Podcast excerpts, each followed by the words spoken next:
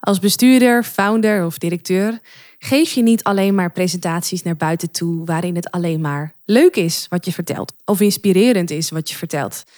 De kans is heel erg groot dat je ook regelmatig voor bijvoorbeeld je medewerker staat met een boodschap die niet zo leuk is of misschien best wel oké is, maar als je hem op de verkeerde manier brengt als niet leuk of niet goed of niet fijn wordt ervaren. En de kans is ook groot dat als je dat doet, dat dat nou net juist de presentaties zijn waar je de meeste zorgen over hebt of waar je het meest druk om maakt. En daarom dacht ik, ik ga er eens een podcast aan besteden. Ik had hier laatst mee te maken met een klant van mij en ik bedacht me dat ik het heel tof zou vinden om, als jij hier ook wel eens tegenaan loopt, een aflevering op te nemen met een aantal overwegingen die je mee mag nemen als je dus een wat lastigere presentatie te geven hebt. Met een boodschap die gewoon wat gecompliceerder is, wat moeilijker is. En waar misschien ook wel veel vanaf hangt. Nou, nieuwsgierig hoe je dat het beste aan kan pakken, luister dan vooral verder.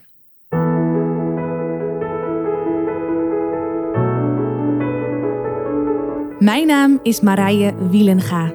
Wil jij jouw ondernemersverhaal delen als spreker, zodat jouw bedrijf nog veel meer aandacht krijgt? Dan is deze podcast Stralen Presenteren voor jou.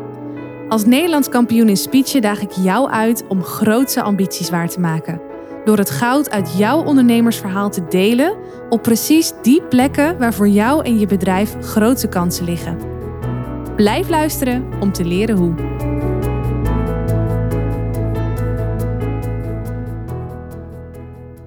Voor we de inhoud induiken, jij en ik, even een klein stukje context. Want het is voor mij eigenlijk wel een bijzonder moment, dit moment.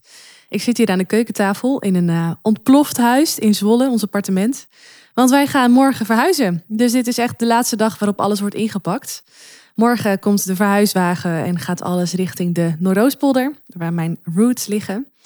Dan gaan we eerst tijdelijk wonen in uh, mijn ouderlijk huis, waar ik vroeger altijd gewoond heb. Mijn uh, vader, die woonde daar tot uh, deze week nog, die gaat verhuizen naar een nieuwe woning. Wij gaan tijdelijk die woning betrekken waar hij dus in gewoond heeft, waar ik in gewoond heb. En vanuit daar gaan we de verbouwing coördineren, realiseren van onze eigen boerderij, die we in april gekocht hebben. Ook in de Noordoostpolder en op een kilometer afstand van de boerderij waar we nu tijdelijk gaan wonen. Echt een hele spannende fase, een nieuw hoofdstuk waar ik onwijs veel zin in heb. Maar met dat we bezig zijn vandaag met inpakken en we de afgelopen anderhalve week allemaal laatste keren hebben gehad, merk ik dat ik het wel heel erg dubbel vind. Het is echt deze plek waar we nu wonen. Het is de plek waar we voor het eerst eens samen gaan wonen. Waar mijn zoontje is geboren. Waar, nou niet is geboren, maar hè, waar vanuit mijn zoontje is geboren. Ik ben in het ziekenhuis bevallen. Waar mijn bedrijf is gestart. Waar ik mijn Nederlands kampioenschap in speechen heb uh, gewonnen. En dat helemaal heb voorbereid. De rollercoaster aan emoties die daaraan vooraf ging. Hier zijn zoveel mooie dingen gebeurd. En ja, ik kijk heel erg uit naar het avontuur wat er gaat komen. Maar van wat er hier allemaal gebeurd is, weet ik wat dat is. En kijk ik daar met ontzettend veel liefde en dankbaarheid en warmte naar terug. Dus het is een emotionele dag. En ook podcasttechnisch is het een bijzonder moment trouwens. Want dit is de zeventigste aflevering van de podcast. Ik ben in januari gestart. We zijn nu uh, eind september. Tenminste, ik neem het eind september op. En ook dat is wel een mooie uh, mijlpaal. Dus ik zit hier uh, op meerdere manieren of op meerdere vlakken met een dubbel gevoel. Goed, tot zover de context. We gaan de inhoud in. Waar mag je rekening mee houden als je als directeur, founder of als bestuurder te maken hebt met een presentatie die je te geven hebt? Omdat jij nou eenmaal in de rol zit dat het belangrijk is dat jij een bepaalde presentatie geeft aan medewerkers of misschien andere stakeholders. Maar vooral van belang dat het een presentatie is die niet per se leuk is om te geven. Een presentatie die noodzakelijk is om een bepaalde boodschap over te brengen die gewoon overgebracht moet worden. Los van dat die misschien inhoudelijk heel leuk is om te ontvangen of om überhaupt te geven. Ik heb het vaak in mijn podcastafleveringen over ander soort presentaties. Presentaties waarmee, waarmee je als ja, boegbeeld van je organisatie meer naar buiten treedt. En de filosofie achter je product of dienst ja, groter gaat verkondigen. Revolutionair marketing gaat voeren, zoals ik het uh, ook vaak noem. Maar ja, er komen natuurlijk veel vaker ook ander soort presentaties kijken bij de rol die je bekleedt. En daar gaat deze aflevering over. Ten meer omdat ik afgelopen week een, uh, een klant van mij heb geholpen met zo'n dergelijke presentatie. En die hinkte er ook tegenaan. Het is een succesvol bedrijf. Ze groeien heel erg hard. Ze maken ontzettend mooie uh, ontwikkelingsstappen door. Maar ja, die stond nu ook voor op het punt om een presentatie te geven die niet per se een negatieve boodschap had, maar die wel als negatief ervaren kan worden als die niet op de juiste manier wordt overgedragen. Nou, daar zijn we mee bezig geweest en dat is uh, gelukkig allemaal heel, uh, heel goed gegaan. Tenminste, ik heb van hem te horen gekregen dat uh, de boodschap ook heel goed is ontvangen. in de twee van de drie presentaties die hij al gegeven heeft. Dus vandaag in deze podcastaflevering een aantal afwegingen die, uh, ja, die voor jou ook belangrijk zijn om te maken. Om in ieder geval over na te denken als je zo'n presentatie gaat geven. Dingen die ik je mee wil geven ter overweging. Eerste punt om rekening mee te houden is dat je dicht bij je eigen waarheid blijft als ja, boegbeeld, als ik noem het even boegbeeld, is even makkelijker als directeur, als bestuurder, als founder, als eh, leider binnen je organisatie, heb je natuurlijk bepaalde beslissingen te nemen, te maken. Uh, vaak ook niet alleen, vaak ook met een uh, groep medebestuurders. Waarbij jij misschien wel de, de, de zwaarste hand hebt, zeg maar, welke, welke kant een beslissing opvalt. Maar dan nog, je bent vaak niet meer alleen in die positie. Tenminste, niet als je tot de doelgroep hoort van klanten waar ik, waarmee ik vaak werk. En dan is het ook wel eens zo dat jij een boodschap te vertellen hebt waar jij, als je echt heel eerlijk naar jezelf in de spiegel kijkt, niet helemaal 100% achter staat. Of ehm, waarvan je weet dat je het moet doen, theoretisch gezien, maar waarbij het gevoelsmatig nog moeilijk is om daarin mee te gaan. Dat is niet zo gek. En weet je, ik ga ook niet zeggen dat, dat dat dan een verkeerde beslissing is of zo. Daar gaat het helemaal niet over. Het gaat om het is wat het is. Maar wat wel heel erg belangrijk is, als jij degene bent die deze boodschap te vertellen heeft, dat je heel dicht bij je eigen waarheid blijft als je dat doet. Nou, wat bedoel ik daarmee? Moet je daarmee ehm, dan maar een tegengeluid horen ten opzichte van de boodschap die je eigenlijk te vertellen hebt, als je het namens iedereen bekijkt, bijvoorbeeld? Nou, dat niet. Ik denk dat je sowieso gaat vertellen en moet vertellen wat er wat je vertellen moet. Maar dat het wel heel erg belangrijk is om echt te zoeken naar je eigen woorden. En ook je eigen mening. Ja, ik wil niet zeggen dat je je eigen mening heel groot moet maken, maar je hoeft hem ook niet helemaal onder stoelen of banken te steken.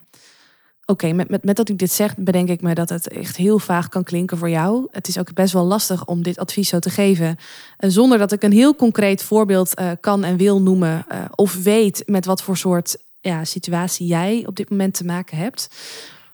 Maar weet in ieder geval dat je niet hoeft te denken dat van jou verwacht wordt dat je als een soort van robot de beslissing gewoon zo in iedereen's face gooit, zonder daarbij je eigen gevoelens er een plek in te geven.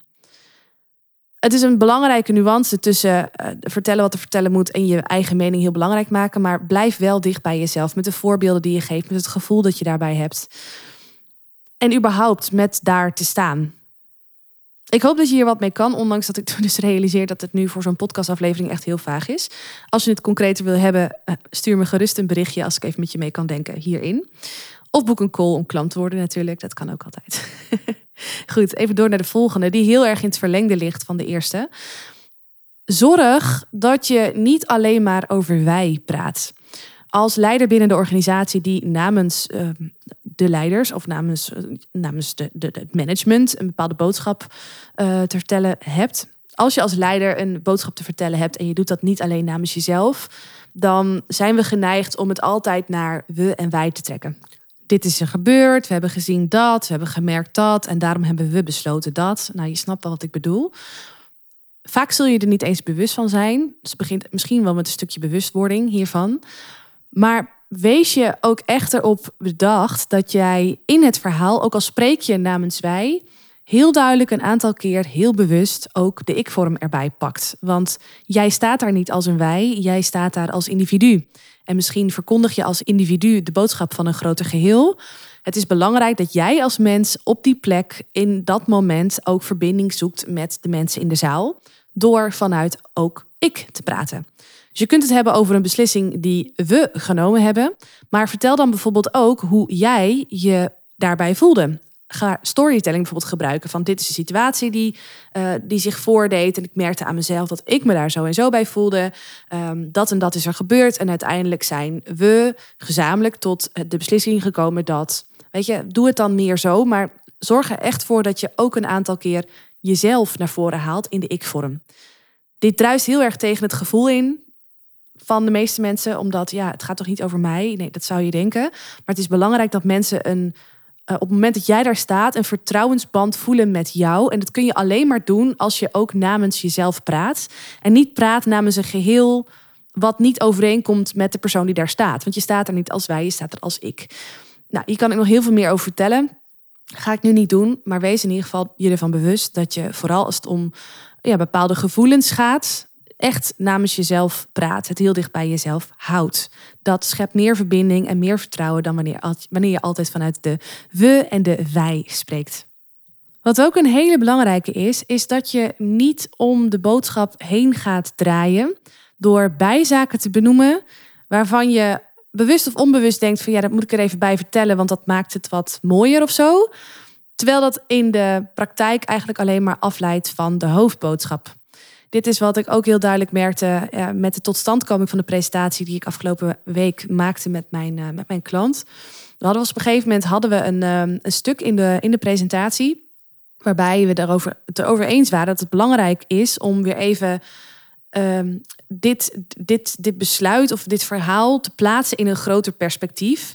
Waarbij het grotere perspectief gewoon eigenlijk is waar iedereen dag, dagdagelijks mee bezig is. De grote plannen, de mooie uh, um, ja, investeringen die uh, op, de, op de rit staan. Ja, ik kan er niet specifiek over zijn, maar in ieder geval de grote mooie plannen. Vervolgens merkte ik toen hij hem verder uitging werken de presentatie, dat hij dat, ik denk onbewust, maar heel groots heeft gemaakt.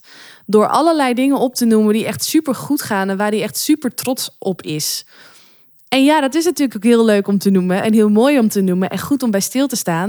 Maar op het moment dat de presentatie niet per se daarover gaat, leidt het en af van de boodschap en kan het ook een gevoel van mooi weer spelen uh, veroorzaken bij de luisteraars. Het komt dan niet meer congruent over of niet meer zuiver over, alsof je echt die boodschap die wat zwaarder ligt mooi probeert in te pakken om dat te verhullen, zeg maar. En dat wil je gewoon niet. Dus zorg echt dat je goed voor jezelf weet... wat is de boodschap die ik te vertellen heb... Uh, wat, wat is dus de hoofdzaak en wat zijn bijzaken? En zorg vervolgens dat die bijzaak, dat je ze ook niet groter maakt dan nodig. En dit is best wel lastig, vind ik zelf altijd, als ik naar mijn eigen speeches, presentaties, keynotes kijk.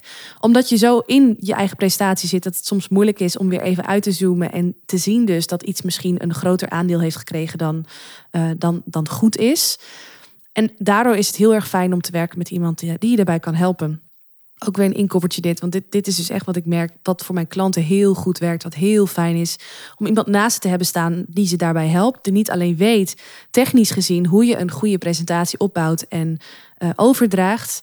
Voorbereid opbouwt en overdraagt. Maar ook die ze kan helpen om weer even uit de materie te kruipen. En weer even het grotere geheel te zien. Door de juiste vragen te stellen. Um, en ze gewoon te begeleiden om hoofd- en bijzaken duidelijker van elkaar te kunnen scheiden. Als je die persoon dus niet aan je zij hebt, ja, dan is dat lastiger. Dat vind ik zelf ook. Ik heb niet zelf een sprekerscoach die mij kan helpen. Dat vind ik af en toe best wel lastig. Ik zou best wel eens iemand zoals ik aan mijn zij willen hebben. Als ik een belangrijke keynote voorbereid bijvoorbeeld. Um, maar wees je er in ieder geval van bewust dat dit een valkuil is. Dat je te veel bijzaken groots gaat maken. Um, en bewustzijn daarop maakt al echt, het verschil in zorgen dat het... Uh, ja, beter gaat, die hoofd- en bijzaken uh, van elkaar te scheiden. Wat ook goed is, is dat je bewust bezig bent met het uitnodigen van mensen om een reactie te geven op de boodschap. En dit is ook best wel weer lastig. En er komt heel veel nuance ook weer bij kijken. Want enerzijds sta je er als een leider die een bepaalde beslissing of een bepaalde koers um, gewoon als een soort van, van mededeling meegeeft. Van dit is wat we gaan doen, dit hebben, dit hebben we of dit heb ik besloten. Om die en die reden. En dat, ja, dat vraagt gewoon om, joh, dit is het besluit en volg mij hierin. Of ik nodig jullie uit om me te volgen. En dat is ook nodig, maar tegelijkertijd wil je mensen wel het gevoel hebben dat je ze ziet, meer op een individueel niveau. En daarvoor is het van belang allereerst dat je in de voorbereiding van je boodschap je goed inleest in de situatie van deze medewerker. Ik heb het over medewerker, hoeft het trouwens niet per se te zijn, hè? maar je snapt wat ik bedoel. Lees je goed in in het perspectief van die ander, even los van de boodschap die jij te vertellen hebt. En kijk of je dat perspectief kunt meenemen in je verhaal. Hoe jij je bijvoorbeeld verhoudt, verhoudt tot dat perspectief. Misschien herken je dingen van dat perspectief en heb je toch, of hebben jullie toch anders doen besluiten. Belangrijk dat je ze daar wel erkent, dat je het benoemt. Maar ook, dat kan heel passend zijn in een presentatie, hoeft niet. Ook weer best wel situationeel afhankelijk. Geef de ruimte voor gesprek. En dat is natuurlijk ook weer een uitdaging, want zo'n gesprek kan al heel snel heel negatief worden. Als er een moeilijke vraag komt die je niet kan beantwoorden en die persoon krijgt allemaal bijval. Maar ik ga er even vanuit dat je in ieder geval wel op goede voet staat met de mensen uh, tegen wie je spreekt. Dat hoop ik althans voor je. Dat maakt het een stuk makkelijker. En zorg gewoon dat die ruimte er is. Hoe je dat doet is dus heel erg bepalend van de boodschap, van de situatie en ook um, waar je op dat moment bent. Um, ik realiseer me dat dit dus ook wel weer een vrij algemene tip is, maar neem dit wel mee. Dat die verbinding tussen jou als leider en de mensen voor wie je staat ontzettend belangrijk is. En dat je ruimte maakt, ook voor mensen, om, ja, om dat gesprek aan te gaan. Is het niet tijdens de presentatie, dan wel daarna? Dat is gewoon heel fijn. Zorg dat, dat je hen het gevoel geeft dat je ze ziet en dat je ze hoort. Ook al kun je dat misschien op dat moment niet letterlijk doen. Dat is een uitdaging, hè? Het komt er kort gezegd op neer dat je, als jij ergens voor staat, dan ben jij de ik en dan zijn zij de wij. En dat geldt voor hun andersom. En wat je eigenlijk wil bereiken is dat op het moment dat zij naar jou luisteren, dat zij het gevoel hebben: hey, jij bent niet wij, maar we zijn wel gelijk. Wij en wij zijn gelijk. Ik hoop dat je me kan volgen hierin. Je wil niet per se die ander zijn. Je mag best die ander zijn, maar dan wel onderdeel van het geheel. En dat is hoe het mag voelen voor de luisteraar. Dat is van belang. Nog een belangrijke, en deze is ook echt, dit is er een die je al, al misschien als eerste mag doen in de voorbereidende fase van je presentatie. Ga goed na voor jezelf wat met de boodschap die je vertelt, wat je dan nu verwacht van de mensen tegen wie je spreekt. Wat moeten ze nu gaan doen? Of wat moeten ze nu gaan laten? Of wat moeten ze nu aan de hand van wat je vertelt nooit meer vergeten? Dit is iets wat altijd belangrijk is bij een presentatie. Zul je me ook vaker hebben horen zeggen in podcastafleveringen als je die vaker luistert. Maar nu is dat extra van belang. Want als jij een bepaalde boodschap vertelt die vrij zwaar is, maar vervolgens is onduidelijk wat er dan nu gaat gebeuren of wat jij van mensen verwacht, dan, is dat, dan geeft dat heel veel stof tot roddel, tot onduidelijkheid, tot onzekerheid. En dat is het laatste wat je wil. Als je al een wat lastigere boodschap te brengen hebt, zorg dan dat die super duidelijk overkomt. En zorg dan ook dat mensen super goed weten wat er nu van ze wordt verwacht. Of wat ze nu, ja, wat ze nu moeten gaan doen. Of wat ze nu nooit meer mogen vergeten. Dat is ontzettend belangrijk om dan het vervolg na je presentatie fijn en warm en goed te laten verlopen, voor zover dat natuurlijk mogelijk is. Maar dat heb jij grotendeels in de hand door heel duidelijk te zijn in wat je, niet alleen de boodschap zelf, maar ook wat je vervolgens van die mensen verwacht of wat ze van jou mogen verwachten. Ik heb nog twee, uh, ik heb nog twee dingen die ik je wil uh, meedelen. De eerste is dat op het moment dat je bezig bent met de voorbereiding van die presentatie en die boodschap zit zo in je hoofd, je bent ermee bezig, je bent ermee bezig. Alles wat je aandacht geeft groeit. Dus het, het wordt dan ook opeens het onderdeel van jouw dag, uh, onderdeel van. Ja, het wordt opeens heel zwaar misschien. Onnodig, hè? Weet ik niet. Het hangt helemaal van je boodschap af. Maar doordat je er zo mee bezig bent, wordt een boodschap die misschien toch al zwaar of ingewikkeld of gevoelig ligt, nog zwaarder, ingewikkelder of gevoelig. Omdat je het zoveel aandacht geeft en wat je aandacht geeft, dat groeit. Belangrijk is dus ook dat je een aantal keer, uh, als je op zo'n dag bijvoorbeeld bezig bent met het voorbereiden van zo'n presentatie, er even uitstapt en het weer even heel bewust in een groter perspectief plaatst. Oké, vandaag is dit aan de orde van de dag. Vandaag is dit misschien een lastige boodschap die ik voorbereid. Maar wacht even, als ik weer even uitzoom op het grotere plaatje. Waar staat deze beslissing of waar staat dit verhaal dan in het grote geheel? En als je dat lastig vindt, zorg dan dat je even met een collega hierover hebt. Van joh, help me af en toe even uit de situatie. Of zoek bewust zelf even de stilte op. Of um, een fijn boek op. Of nou ja, wat, wat er voor jou voor nodig is om weer even uit de zwaarte van dat moment te komen.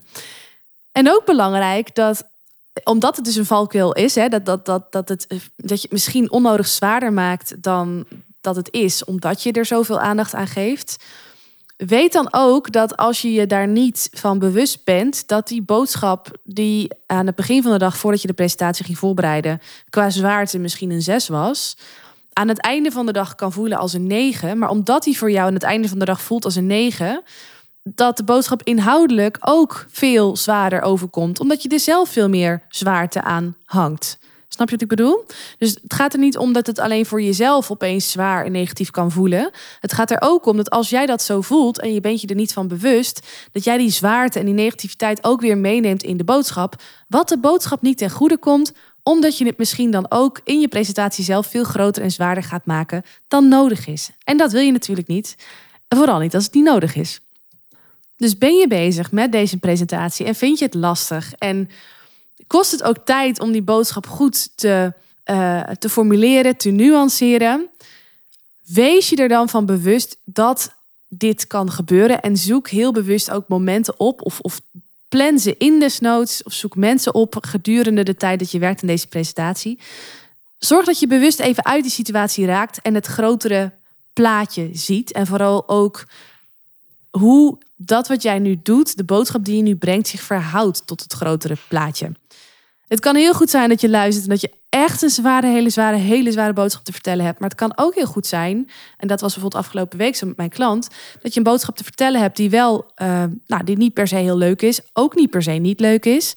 Maar als je daar te lang mee bezig bent en hem te zwaar maakt, dat hij ook onnodig nog zwaarder kan worden dan nodig. Ik hoop dat je me kan volgen. Ik um, probeer het in ieder geval allemaal zo goed mogelijk uit te leggen. Maar ik realiseer me dat het even los van wetende wat, wat er voor jou speelt als je dit hoort, gewoon heel lastig is om concreter te worden. Dus nogmaals de uitnodiging. Als je dit te vaag vindt en je zit nu in zo'n situatie dat je zo'n moeilijke presentatie hebt voortbereiden, stuur me even een berichtje. Want dan kan ik even met je meedenken, kunnen we even schakelen en kan ik je misschien zelfs wel helpen. Dus um, pak die uitnodiging aan als je denkt, Marije, ik zit nu in die situatie en ik kan even niks met je advies, want het is te algemeen. Oké? Oké. Gaan we door naar het laatste punt. En dit punt is ook weer niet nieuw trouwens als je vaker naar mijn podcast luistert. Maar ook bij deze weer extra belangrijk.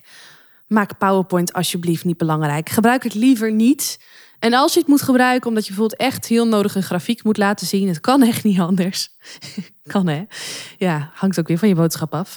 Als je dat toch echt moet doen, hè, dat, dat het belangrijk is om toch een bepaalde onderbouwing te geven die je niet uh, anders dan met PowerPoint kan doen hou het dan ook echt alleen bij zo'n grafiek. En zorg ook dat om die grafiek heen, als die grafiek niet meer interessant is of niet meer aan de orde van je boodschap op dat moment, dat je hem weer zwart maakt. Door bijvoorbeeld ofwel een zwarte of een witte dia voor en na die uh, andere dia's te plakken. Dat je door kan skippen en dat die dan even zwart is. Of tijdelijk even je scherm uit te zetten. Dat kan ook. Um, ja, zijn knopjes voor op je MacBook of op je uh, Windows computer. Maak het alsjeblieft niet te groot. En dat begint ermee dat je al in je voorbereiding niet begint met uh, het creatieve bedenkproces.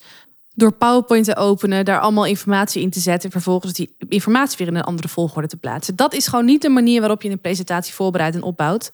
Hoewel ik weet dat dat door 80, 90 procent van Zakelijk Nederland wel gedaan wordt. Doe dat alsjeblieft niet. Als je wil leren hoe je dit dan wel kan doen, ja, dan moet je me even een berichtje sturen. Maar begin liever gewoon op papier met het schetsen van de hoofdboodschap. Wat is het doel wat ik wil bereiken? Ga vervolgens kijken hoe je drie tot maximaal zeven argumenten of punten aan kunt halen om die doelstelling te onderbouwen. En zorg dan pas, als dat verhaal helemaal staat, dat je gaat kijken: hey, moet ik het visueel nog een beetje. Kan ik nog wat extra's geven door het visueel te ondersteunen? En zo ja Ga ik dan PowerPoint gebruiken of ga ik wat anders doen? Maar maak PowerPoint alsjeblieft niet te groot. Vooral niet als je gewoon een wat zwaardere boodschap te brengen hebt. Dan mag het echt gaan om jou, als in jou als spreker, hè, dat jij dan centraal staat. Dat je een boodschap vertelt die dicht bij jezelf ligt. Ehm, en ook een boodschap vertelt die, die, ja, die, die gewoon echt van hart tot hart wordt gebracht. En op het moment dat daar PowerPoint tussendoor komt, wordt het al snel zo zakelijk en formeel en afstandelijk. En dat is volgens mij het laatste wat je wil met dit soort presentaties. Dus alsjeblieft, liever geen PowerPoint. En als het moet, gebruik het Sumier. En alleen op de momenten dat het echt nodig is en echt van toegevoegde waarde is. Dat waren ze. Een aantal overwegingen uh, die je mee mag nemen als jij als bestuurder, founder, directeur een wat meer lastige boodschap te brengen hebt. Laat me je nog even heel kort voor je samenvatten.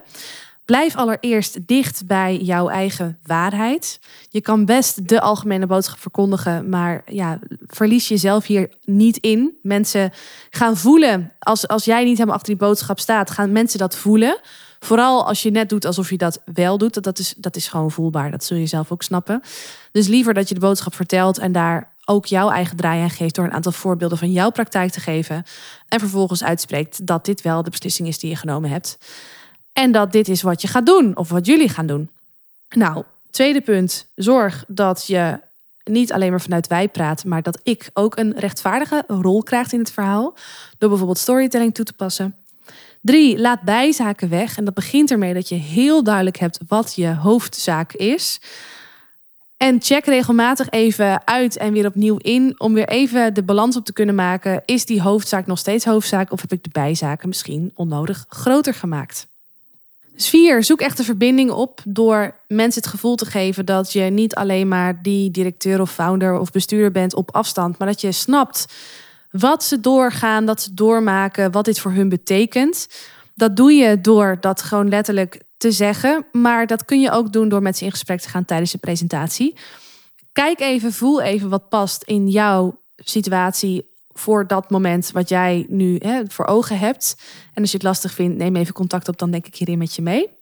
Wees er volgens ook super duidelijk over wat je nu van ze verwacht of wat ze van jou mogen verwachten. Dat daar gewoon geen ja, vraagtekens over komen en dat het verhaal een eigen leven gaat leiden. Dat zou zonde zijn. Vooral als je net al wel zo goed bezig bent geweest met de voorbereiding en opbouw van je presentatie. Maak de boodschap niet zwaarder dan nodig is. Door regelmatig even uit te zoomen en hier hulp bij te vragen als dat voor jou helpt. En gebruik alsjeblieft geen PowerPoint of alleen heel sumier. Dat waren ze. Ik hoop dat dit een waardevolle podcast voor je was. En als je nou voelt met het horen van deze podcast van ja Marije, ik voel hem wel, maar ergens vind ik het nog vrij algemeen en zou ik graag even met jou willen kijken, heel specifiek naar mijn situatie, eens te horen ja, hoe jij dit voor mij ziet, wat voor perspectief je me kunt schetsen en hoe je me eventueel kunt helpen. Neem dan contact met me op in de show notes, in de uh, aantekeningen bij deze aflevering. Uh, staan de manieren waarop dat kan, via Instagram, LinkedIn of via de website.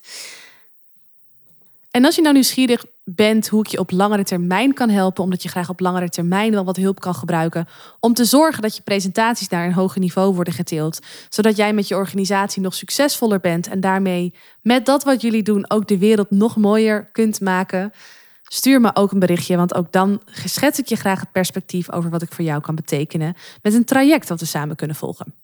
Ik hoop dat je voelt, en dat is misschien wel de belangrijkste boodschap van deze podcast. Ik hoop dat je voelt dat als jij beter leert presenteren, beter leert wat technieken zijn om je verhaal voor te bereiden, op te bouwen, over te dragen, dat je dan niet alleen een betere spreker wordt, wat op zich heel handig is in zo'n boegbeeldpositie, maar dat je daarmee ook een betere leider wordt.